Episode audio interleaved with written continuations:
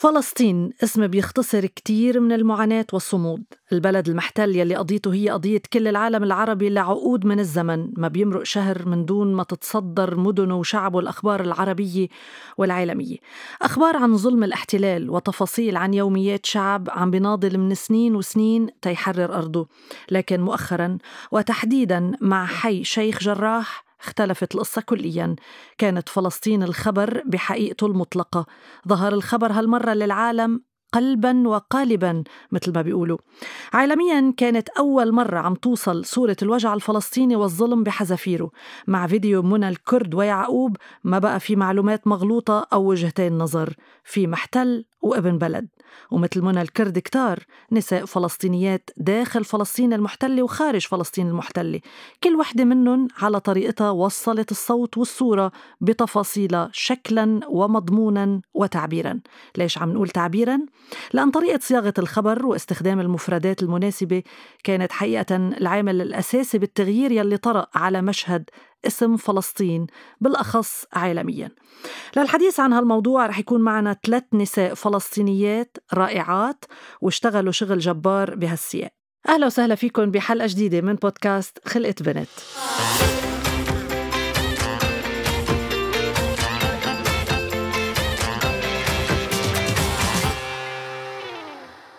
ضيفتنا الأولى بهالحلقة نجلة الشوة من سكان غزة اشتغلت بالعمل الإنساني لأكثر من 15 سنة وما زالت حتى اليوم. هي أم لطفلتين ناشطة على تويتر من 2009 بتنقل عليه يوميا تناقضات الحياة ومتاعب الحياة بغزة. هاي نجلة. تمام شكرا كثير على استضافتكم. بتقولي بال يعني الحرب بعام 2012 والحرب ب 2014 خلتك تكتبي وتعبري أكثر على تويتر هالبلاتفورم. بتعبري باللغة الإنجليزية. كرمال تتوجهي لخارج غزة ربما أكثر لتخبري الناس شو اللي بيحصل فعليا بفلسطين وبغزة تحديدا. خليني ببلش سؤالي ليش ليش اخترتي تويتر؟ ليش اخترتي اللغة الإنجليزية؟ لمين حابة تتوجهي لتقولي شو؟ صراحة أجاوب ليش تويتر؟ آه، تويتر يعني بدأ باستكشاف زي ما كل واحد فينا عادي بيستكشف أي social media platform لقيت إنه كتير بالمقارنة على الأقل بالوقت هداك مع فيسبوك إنه أكثر معني بالاهتمامات اهتمامات الناس ب آه، بالدوائر العامة خارج كمان خارج فلسطين وخارج آه، يمكن المحيط العربي آه، العالم العربي وله يعني أبعاد أكثر إنه أي حدا مهتم بموضوع معين بيقدر إنه يلحقه ويصير يقدر يعمل نوع من آه، إنه يخبر العالم على إيش عم بيصير. كمان إنه في إمكانية للمناصرة أكثر والحشد أكثر في في قضايا معينة إذا الواحد حابب يشارك صوته أو يحط صوته. فكأنه يعني أقل أقل ما يمكن فعله إنه الواحد يشعر إنه هو له له وجود آه، أو له معنى لوجوده يعني بهالبلد وفي ظل هالأوضاع هاي اللي بتضل عبر السنين يعني مستاهلة إنها إنها تنعرف عنها وإنه كمان ينعمل إشي بخصوصها. هلأ ليش بالإنجليزي؟ آه، لأنه في شح كبير بال على الأقل بالوقت بوقتها يعني. اللي هو تغير وعم بيتحسن يعني كثير تواجد آه، باللغة الإنجليزية أو آه، يعني توصيل الأفكار وتوصيل الأخبار توصيل الآراء الواقع بفلسطين. كثير قليل أصلا وجود وجود قضية فلسطين آه، يمكن بين العامة اللي بتحكي بغير اللغة العربية أو الأكثر شيوعا باللغة الإنجليزية. فاعتقدت إنه هذا مهم وبيؤدي يعني ولو بشيء بسيط ل لشيء جديد لأنك بتخبري ناس مش عارفين حتى أساسيات بسيطة حقائق بسيطة. لمستي إنه قدرتي تخبري العالم الخارجي عن معاناة غزة؟ وصلت لهم الرسالة؟ طبعا الموضوع أكيد يعني نسبي وتراكمي وبده إصرار وبده استمرار وبده صبر. وفي إحساس كمان كبير بالمسؤولية أحيانا على إيش الواحد بيكتب وكيف بيوصل. أنا بعتقد إني شوي شوي عندي نوعا ما مهارة شوي بطور حالي فيها إنه آه، عندي قدرة إنه أحاول أحط حالي مكان حدا ما بيعرف إشي. آه، وكمان نفس الوقت مش كل اللي بكتبه يعني لناس مثلا إنه عندهم صفر يعني خلفية بل كمان الناس اللي عندها اهتمام واهتمام صادق إنها تعرف. آه، مش كتير مثلا دخلت بمناكفات أو نقاشات على السوشيال ميديا مع مثلا من هم يعني آه، ضد تماما آه، أو ضد بتعصب شديد ضد آرائنا كفلسطينيين داخل فلسطين. لأنه بصراحة الموضوع متعب وأحيانا ما له قيمة صحيح. ولكن بالعكس الواحد يبني على على الأقل الناس الصادقة اللي حابة تعرف بشكل موضوعي. هل جزء من الحقيقة يعني اللي موجود؟ كيف تفاعل معك الغرب آه، مع تغريداتك يمكن حسب ما لمستي؟ يعني أكثر إشي بقدر أحكيه يمكن لمسته بقوة هو آخر آه، يعني آخر حرب يعني الشهر الماضي بشهر خمسة ال 11 يوم. شيخ الجراح. آه، صحيح ويعني واللي بعدها يعني للأسف انتقلت كل الموضوع لغزة بهجوم إسرائيل على غزة وهذا اللي صار يعني آه، كان ملفت قديش في اهتمام آه، بدا جذبه من من القدس من الشيخ جراح للقضية بشكل عام واللي لعب فيها دور يعني بعتقد كل الفلسطينيين بكل فئاتهم بكل أماكنهم بكل قضاياهم بداخل فلسطين وكمان لخارجها. واللي صار إنه لمست فعلا اهتمام حقيقي لأنه كان عدد هائل من المتابعين يعني يوميا آه، ما يعني كنت كل كم يوم أطلع هيك يلفت نظري إنه صار العدد يعني بنط 200 300 400 500 بعدين وصل لكذا ألف يعني آه، خلال أيام معدودة. آه، ويعني هذا بعتقد كمان يعني بنم على الاهتمام غير هيك إنه الاهتمام من آه، الصحافة اللي بتدور على آه، ناس غير ممثلة لأطر سياسية لناس عاديين عايشين في في غزة أو بفلسطين بدها توصل صوتها هذا كمان كان له يعني وصول كتير كبير يعني إذا بدك تعملي مقارنة نجلة بين 2014 وال 2021 شو اللي اختلف؟ يعني اختلف مجموعة من الأشياء. أنا بعتقد أنه الطريقة اللي تم فيها جذب الاهتمام العالمي من خلال قضية الشيخ جراح بالأساس اللي بدأ بتوصيلها يعني يعني بطريقة كتير بسيطة وكتير صادقة وكتير ملفتة. وكمان يمكن على المستوى العاطفي الإنساني الشعوري العادي إنه يجذب أي حدا إنه يهتم إنه في قضية كبيرة يعني في في ظلم كبير عماله يحصل. وتم توصيله بشكل كتير يعني بدي أقول مبدع ببساطته وبصدقه. آه، هذا جذب بالأساس يعني الالتفات للقضية كمان من حتى الفلسطينيين نفسهم. كانوا عايشين حالة من الإحباط الفظيع المتراكم عبر العقود. آه، إذا بنحكي حتى آه، المؤشرات لكيف الداخل الفلسطيني آه، يعني الداخل بنحكي على اللي ما يعني يسموا 48 الفلسطينيين اللي تحت دولة إسرائيل. يعني كثير كثير كان الحركة اللي موجودة والتظاهرات وكل هذا بينت كمان إنه في خلل. يعني بينت للعالم إنه في خلل. بس الأهم من هيك إنه أنا بعتقد الفلسطينيين بينهم وبين بعض صار في زي الإحساس تبع إنه إعادة إعادة الإيمان بعدالة قضيتهم بإنهم عندهم قدرة يعملوا شيء إنهم يأثروا بشيء. وإنه هذا الإحساس يعني لو إنه مدفون ومكبوت بسبب أسباب كثيره يعني آه، إحنا عارفينها إنه إنه لا لسه موجودة وبدها تطلع ولازم تطلع ولازم تطلب إنها تغير وبسوى كمان إنها تستعيد إحساسها بالمسؤولية آه، لإنها لإنها تبدأ تصحح أو تبدأ تمشي المسار بصوت بصوت جديد وبصوت مختلف بيحكي عن نفس القضية. يعني هذا هذا بالأساس أنا اللي بلاقيه آه، يعني لي شخصيا كثير بلاقيه مهم. آه، قد نقول طبعا إنه مثلا لاحظت كثير بالإعلام الغربي ولو إنه مؤقت يعني طبعا أثره وقد يكون هامشي لكن اللغة اختلفت نوعا ما آه، خصوصا مع بعض أصوات الإعلام أو مثلا وكالات الأنباء التقليدية يعني. إنها صارت برضه بدها تعرف الجانب الآخر. حلو. يعني غير إسرائيل اللي هي دائما بشكل أعمى بس بتحكي الروايه الاسرائيليه وبتخليها تفوق دائما أمام جمهورها آه، على رواية فلسطينية. فبعتقد إنه كان في كان في شيء من التغيير ويجب أن يستثمر يعني ونأمل إنه يستثمر لقدام.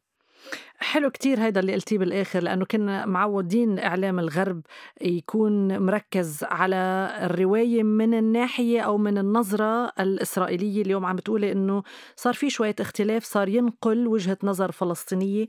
آه، خليني أسألك ليش الغرب آه، لجلة حابب يسمع قصة الفلسطينيين قصة الغزاويين؟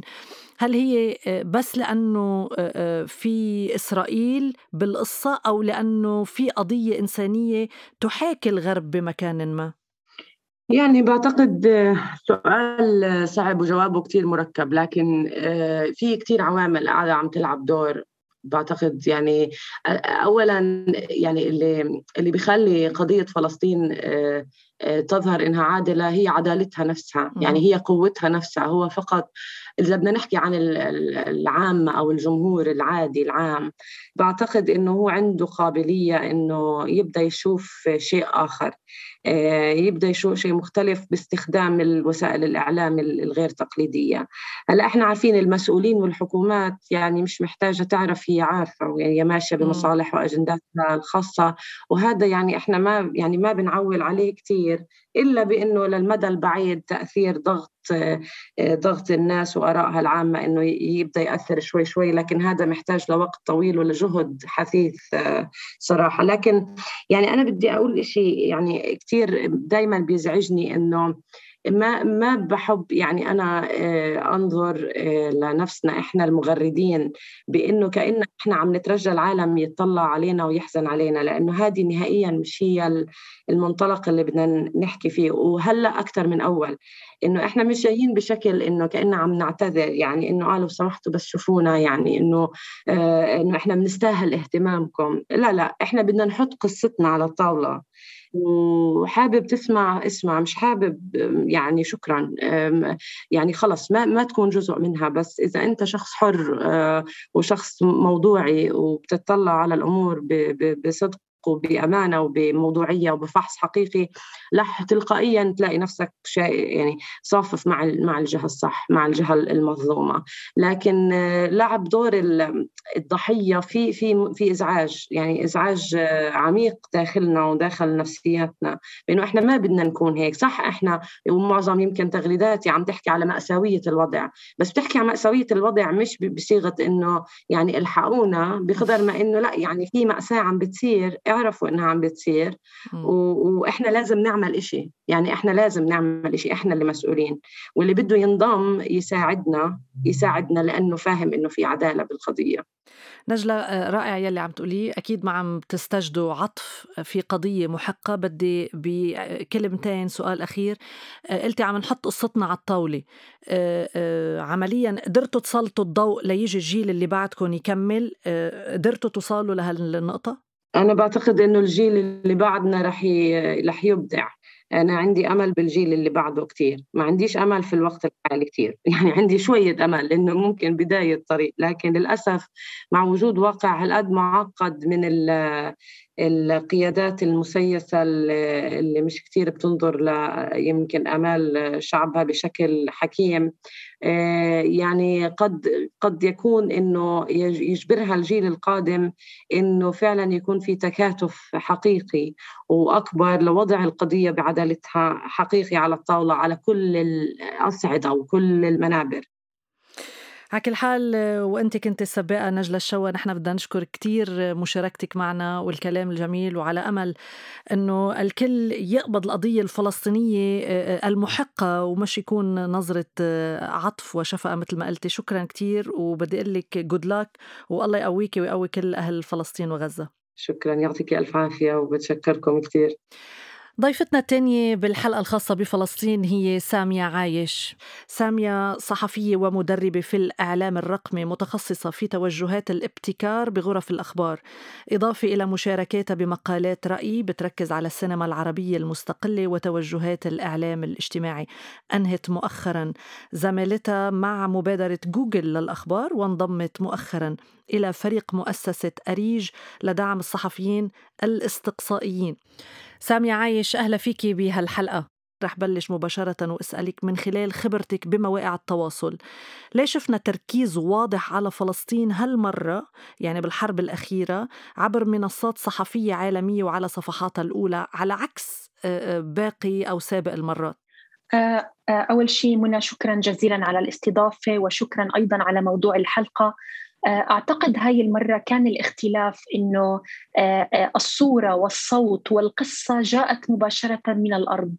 آه، من يعني أشخاص أعتقد أنهم عاشوا نكبة مصغرة عن النكبة التي حصلت بسنة ال 48 يمكن نحن يعني خلال السنوات الماضية بصير في عنا الأحداث والمواجهات التي تتم وتحدث في غزة أو في القدس أو في مناطق مختلفة داخل فلسطين. لكن هاي المرة اللي صار هو تماما مثل اللي صار ال 48 ناس أخرجوا من منازلهم ناس منعوا من الدخول إلى منازلهم ومورست اتجاههم أقصى وأشرس أنواع الهجمات. هلأ يعني صراحة أنا مثل ما بحكيها بالعامية الوقعة هاي المرة مش مثل كل مرة لأنه إجت مع أشخاص لديهم أسلحة وهذه الأسلحة مختلفة وهي سلاح الإعلام.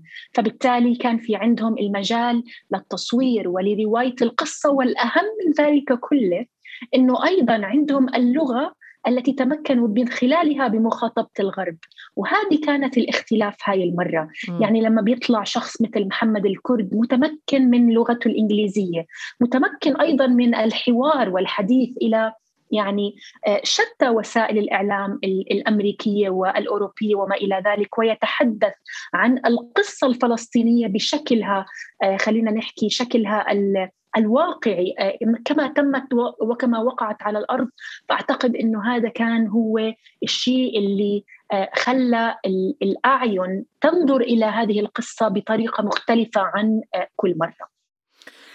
يعني كنت بدي أسألك السؤال إنه ليش هالمرة صار في استفادة من صحفيين فلسطينيين؟ يعني أولاد المنطقة أبناء المنطقة آه، بالسابق كان يصير في اعتماد على مراسلين أجانب غالبا عرب يعني بس مش فلسطينيين أو أجانب. بس كأنه جاوبتيني إنه يمكن تمكن من اللغة أو في أسباب أخرى. يعني شوفي أعتقد إنه آه، آه، هم فرضوا نفسهم. يعني الأمر في النهاية لم يكن بسبب إنه أنا لسه بدي أنا كوسيلة إعلام عالمية لسه أريد أن أبحث عن شخص. أعتقد إنه الفيديوهات اللي انتشرت التغريدات منشورات الإنستغرام وما إلى ذلك هي التي فرضت نفسها. إضافة إلى إنه أيضا كانت هناك حالة تضامن ليس فقط من الأشخاص الموجودين على الأرض داخل القدس وإنما أيضا أيضا في يعني المنطقة بشكل عام. من ناحية إنه آه، كان لدينا آه، مثلا على سبيل المثال الناس اللي عندهم فولورز كثير على الإنستغرام آه، أصبحوا يعطون المجال أمام ناس موجودين على الأرض للاستفادة من كمية المتابعة الكبيرة. فصاروا يطلعوا معهم live بحيث إنه الجميع يعني كل هؤلاء أو العدد الكبير من المتابعين لهذه الحسابات يتمكن أيضا من المشاركة ومشاهدة ما يحدث على الأرض بشكل live، فبالتالي أعتقد إنه هي لم تكن خيارا، هي واقع فرض نفسه، هي قصة فرضت نفسها وتمكنت في النهاية بفضل هذا الاستخدام الكبير والانتشار الكبير أيضا لوسائل التواصل الاجتماعي تمكنت أيضا من الانتشار حتى يعني آه، تفرض نفسها مش بس على وسائل الإعلام وإنما أيضا على يعني اللي كان ملفت مثلا في هذه المرة إنه حتى البرامج اللي هي الأمريكية الساخرة المعروفة إنه آه، يعني آه، يعني مثل ما بيحكوها ما لها أي دخل بمثل هذه الأزمات أو المواجهات.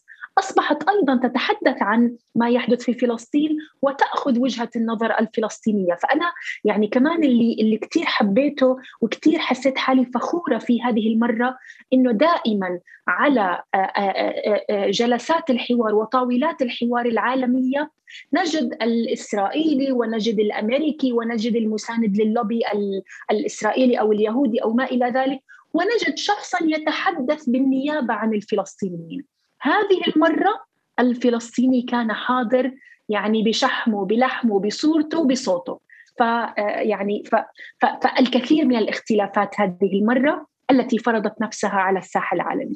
بنقدر نقول آه، سامية بتجرد آه، وبكل ثقة إنه آه، ابن فلسطين عبر وسائل التواصل الاجتماعي قدر يضاهي أكبر وسائل الإعلام يلي عادة متطورة تقنيا ولكن عم بحكي بلب الخبرية بالمعلومة بالمصداقية قدر ينافسها ويكسب عليها؟ آه، يعني أكيد آه، آه، لما نحن بنيجي بنطلع على مثلا شخص مثل منى الكرد أو محمد الكرد على سبيل المثال لما أنا بدي آخذ الخبر المتعلق بالقدس أنا بفتح على حساباتهم بشوف شو عم بيصير معهم فبالتالي أصبحوا هم بالنسبة لي مصدر الخبر الأساسي للأشياء اللي عم بتصير بالقدس. هلأ طبعا أنا يعني أنا لست من مناصري فكرة المنافسة، يعني بالنهاية نحن لدينا محتوى إخباري ومحتوى بشكل عام كثير ولدينا دائما الخيارات، فبالتالي لما أنا مثلا بدي أتابع ما يجري في مثلا في فلسطين على سبيل المثال ممكن أفتح على الجزيرة أفتح على صفحة منى الكرد أفتح أيضا على نيويورك تايمز لأنه بالنهاية أنا بهمني إنه كمان أتعرف على يعني ال ال وجهة النظر أيضا التي يعني يتم تغطيتها من قبل هذه الأطراف. فبالتالي أعتقد إنه هي تمكنت من أن تصل إلى نفس مستوى ال ال ال يعني خلينا نحكي الثقة. يعني نحن هنا بدنا نطلع مش على التغطية وليس على التكنولوجيا وليس على كل هذه الأمور وإنما ثقة المشاهد وثقة المتابع في المصدر الذي يطلع عليه. فبالتالي أعتقد انهم وصلوا إلى آه، نفس نفس الدرجة وربما أكثر من هذه المؤسسات الكبيرة التي تعتد بجيوشها من المراسلين وتقنياتها وما إلى ذلك لأنهم على الأرض ولأنهم أيضا مثل ما حكينا من شوي آه، استخدموا اللغة التي يخاطب فيها الطرف الآخر سواء كان الطرف الإسرائيلي أو حتى الطرف اللي هو العالمي. يعني كلياتنا شفنا الفيديو تبع منى الكرد الذي كانت تتحدث فيه إلى يعقوب بتقول له إنه هذا بيتي وما إلى ذلك. يعني أعتقد إنه يعني هذا النوع من الصورة وهذا النوع من الرسائل هي اللي نحن كفلسطينيين بحاجة لها. كونه إنه يعني دائما بضل أفكر بإنه ماذا لو كانت هناك كاميرا بسنة ال 48 ماذا لو كانت هناك وسائل تواصل اجتماعي؟ هل كانت النكبة ستستمر وتحدث؟ فأنا أعتقد أنه مثل ما حكينا من شوي هي تحدث الآن بشكل مصغر لكن الفارق هو أن لدينا كل هذه الأدوات التي تمكننا من الحديث والكشف عن كل ما يحدث ومش بس بشكل إنه بعد شوي بتشوف أو بكرة بتشوف الآن لايف هلأ عم بيصير بث حي ومباشر. ما بعرف إذا بتوافقيني الرأي آه، يعني بسنين سابقة كان في تغطيات تكون مهمة للجزيرة والعربية ويعني آه، وسائل إعلام عربية أخرى. هل اليوم الذي تغير طبعا عم نحكي عن وسائل تواصل اجتماعي بس هل لأنه ابن البلد يعني عم يحكي معاناة صادقة؟ أنا لا أقول أنه الصحافي ما بيكون غير صادق ولكن بيكون مهني أكثر ما هو عم يحكي معاناته شخصيا. هل أنه الشخص يخبر معاناته شخصيا هي اللي ساهمت أيضا بسرعة الوصول وسرعة الانتشار؟ آه، سؤال كثير كثير مهم آه، منى أكيد. آه، لأنه يعني أنا صراحة من مؤيدي فكرة أنه أنا كصحفية يعني أول شيء من الصعب إنه الواحد يكون مئة بالمئة عنده هاي المهنية. لأنه بالنهاية أنا كصحفية يجب أن أكون صوتا للناس اللي مش قادرة توصل صوتها. لازم أكون أنا العين تبعتهم اللي بتقدر تشوف وبتقدر تنقل الرسالة الموجودة على الأرض إلى الملايين اللي هم عم بيستنوا بهاي الرسالة. فأنا أعتقد أنه أكيد يعني آه، يمكن نحن كمان حتى بتغطيات بعض المؤسسات الكبيرة مثل الجزيرة على سبيل المثال يعني لاحظنا أنه ابن الأرض هو الذي أيضا اللي هو الصحفي هو الذي أيضا يقوم بالتغطية ولم يخلو الأمر من العواطف والمشاعر وما إلى ذلك. كلنا نذكر عندما حدثت الهدنة في غزة كيف الناس حملوا مراسل الجزيرة ويعني هللوا له وكأنه فعلا هو الذي كان ينقل أصواتهم وينقل معاناتهم وقصصهم وما إلى ذلك.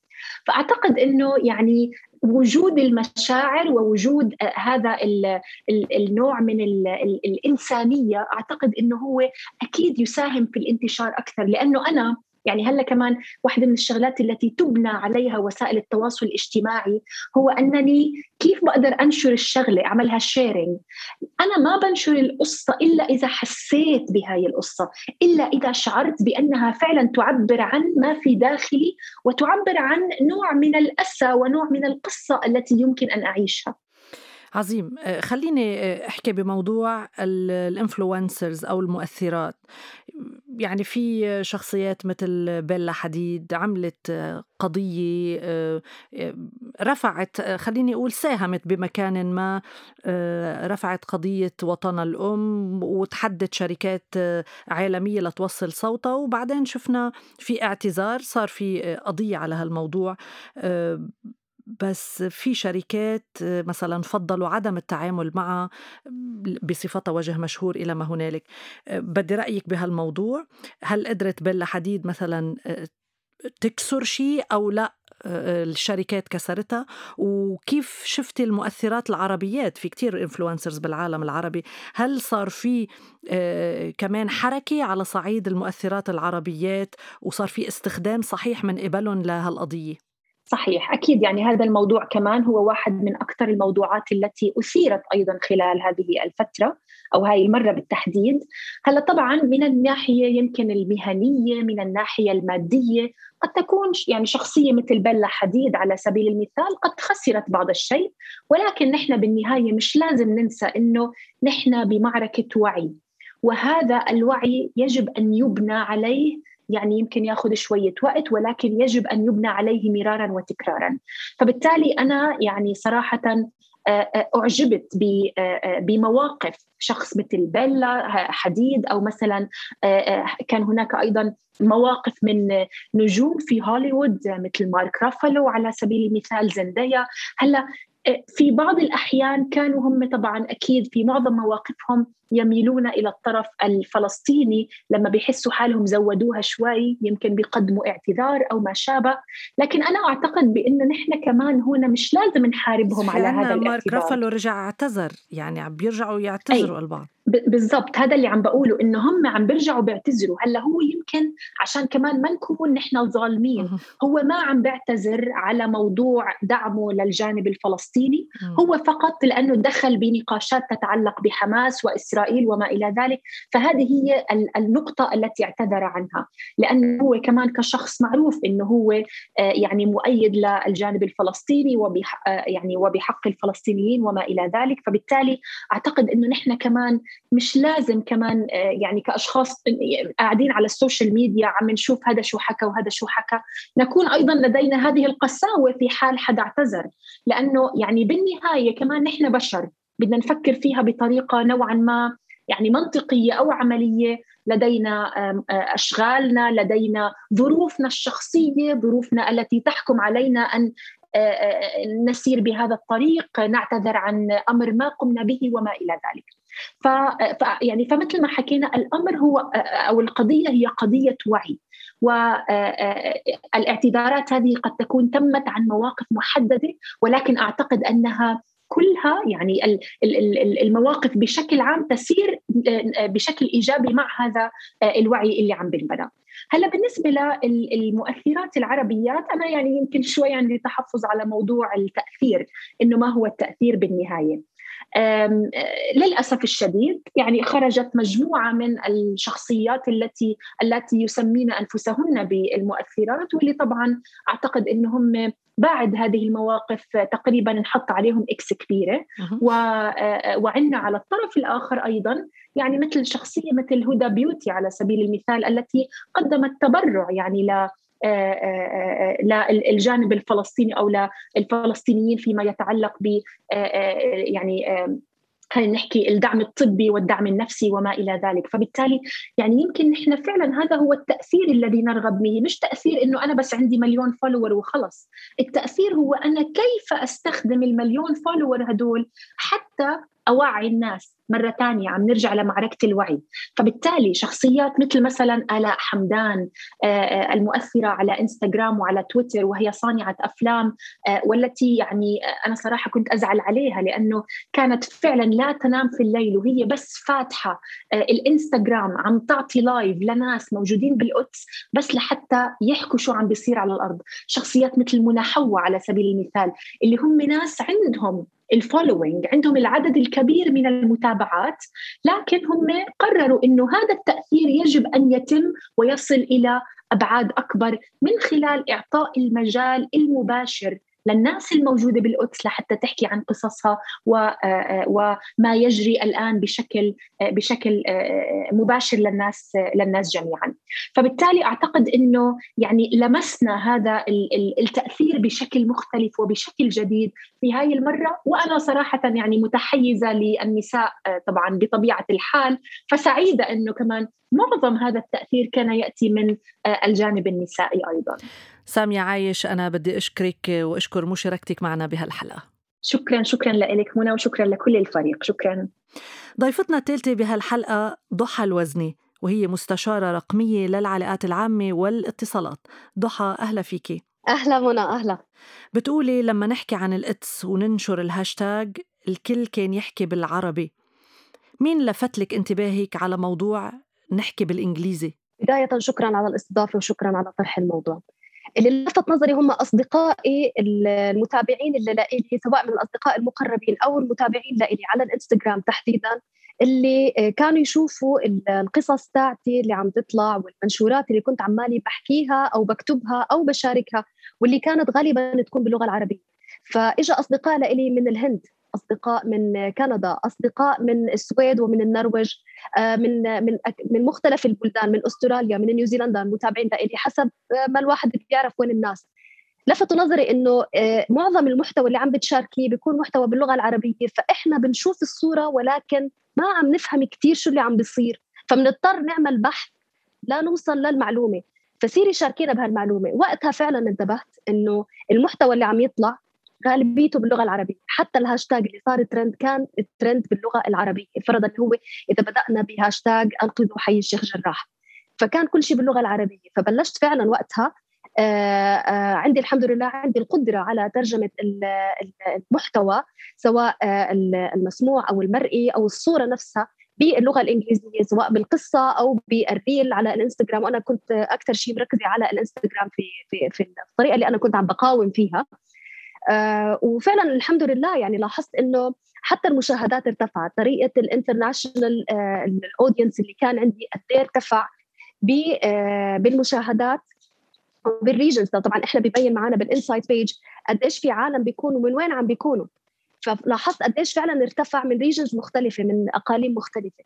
فحسيت هذا الموضوع قد إيه مهم وقد إيه كثير ضروري إنه نحن رسالتنا لازم توصل باكثر من لغة وليس فقط بلغة واحدة. من أي مناطق حسيت ارتفع المتابعة خليني أقول أكثر غير الدول العربية؟ آه بالناحية قصدك اللي هو الجمهور ال international ارتفع م. من الهند م. وارتفع من آه أوروبا وارتفع من نيوزيلندا حلو أنا هدول الثلاث يعني الثلاث مناطق هدول كثير انتبهت قد إيه ارتفع فيهم آه يعني لفتني عم تقولي أنا كنت عم قاوم يعني كنت عم تقاومي عبر صفحات التواصل الاجتماعي لكل منا طريقته في المقاومة. وهذه هي يعني اللي موجود بفلسطين وأنا على فكرة عايشة ما بين فلسطين وما بين دولة الإمارات. يعني أنا حاليا عم بحكيكم من رام الله. فالفكرة في الموضوع إنه كل واحد له طريقته في المقاومة وبيختار أسلوب المقاومة اللي هو بيقدر يوصل فيه طريقته. فالمقاومه مثل ما بنعرف أكثر من من طريقة وأكثر من وسيلة وأكثر من سلاح. وإذا كان أنا شخصيا أنا سلاحي هو الكلمة اذا هي طريقة المقاومة. حلو حلو اللي عم تقولي طيب ضحى إذا بدي أسألك شو اللي تغير هالمرة بموضوع الشيخ الجراح؟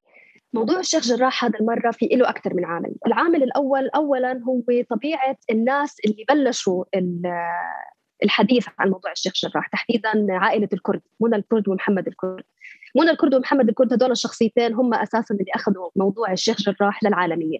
منى شخصية متابعة وقاعدة كانت في قلب الشيخ جراح بيتها في قلب الشيخ جراح متربيه هي والمستوطنين يعني عادي كثير لدرجة هذيك اليوم كان عندها حفل تخريجها في جامعة بيرزيت فكانت تحكي إحنا مضطرين نترك الدنيا ونروح لنرجع لنلاقي المستوطنين عاملين مقلوبه في نص الدار. فهذا هذا هذا كان هذه كان خطابها في حفله تخرجها. فهي الشخصية اللي أخذت الموضوع. لابعاد عالمية. الشغلة الثانية ما بدنا ننسى تأثير الإعلام الاجتماعي ال social media، ال social media عملت ضجة خرافية لأنه تم استغلالها بشكل صحيح وبأدوات صحيحة.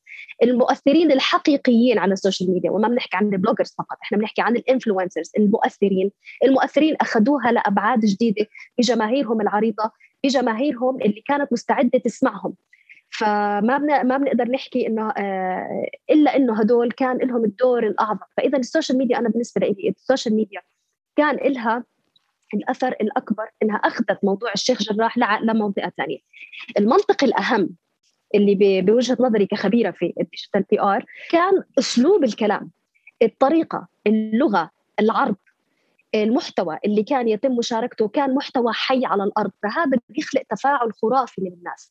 هذا أكثر شيء إنه الناس عم بتشوف الحقيقة عم بتشوف الشيخ جراح شو عم بيصير فيه عم بتشوف الناس شو عم بيصير معاهم بالأقصى عم بتشوفوا الناس كيف عم بيهاجموهم الجيش كيف عم عفوا الشرطة كيف الشرطة نفسها عم تسمح للمستوطن يفوت وما عم بتسمح للمقدسي يفوت.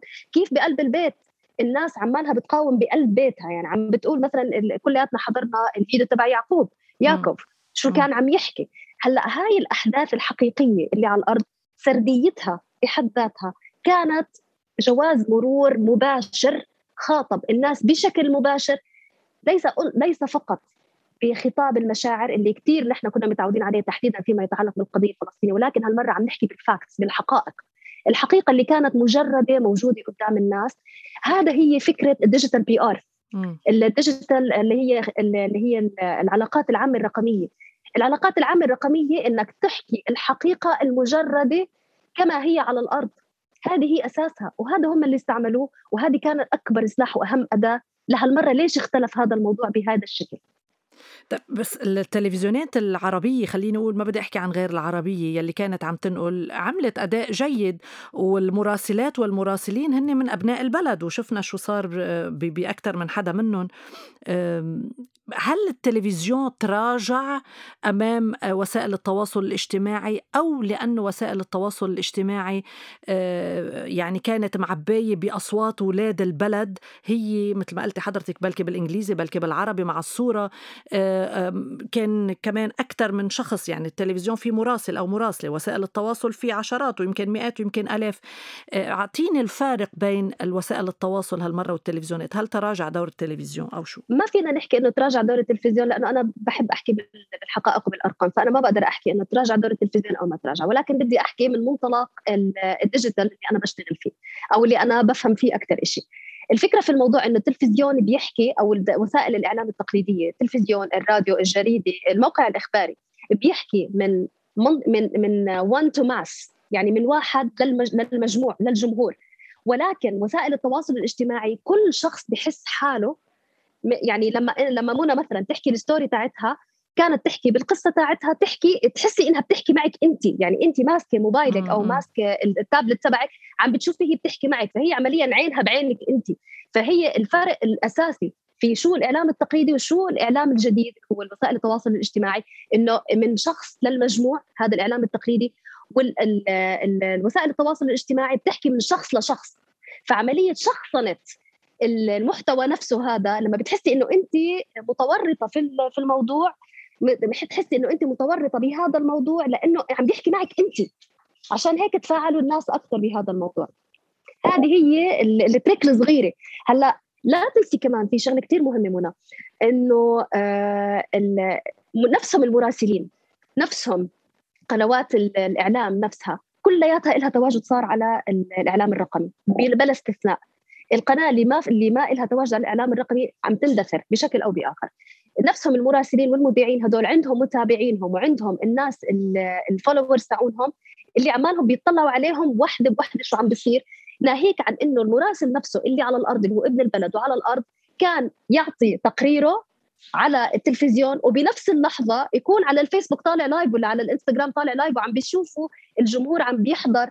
اللي عم بيصير على الأرض أكثر من ما عم يحضروا الشخص اللي قاعد على التلفزيون. ففي تكامل ما فينا نقول في انفصال بنقول في تكامل ولكن في كفة بترجح لكفه الشغلة الثالثة كمان اللي بحب أشير لها هو نوعية الجمهور اللي بيوصل للتواصل الاجتماعي.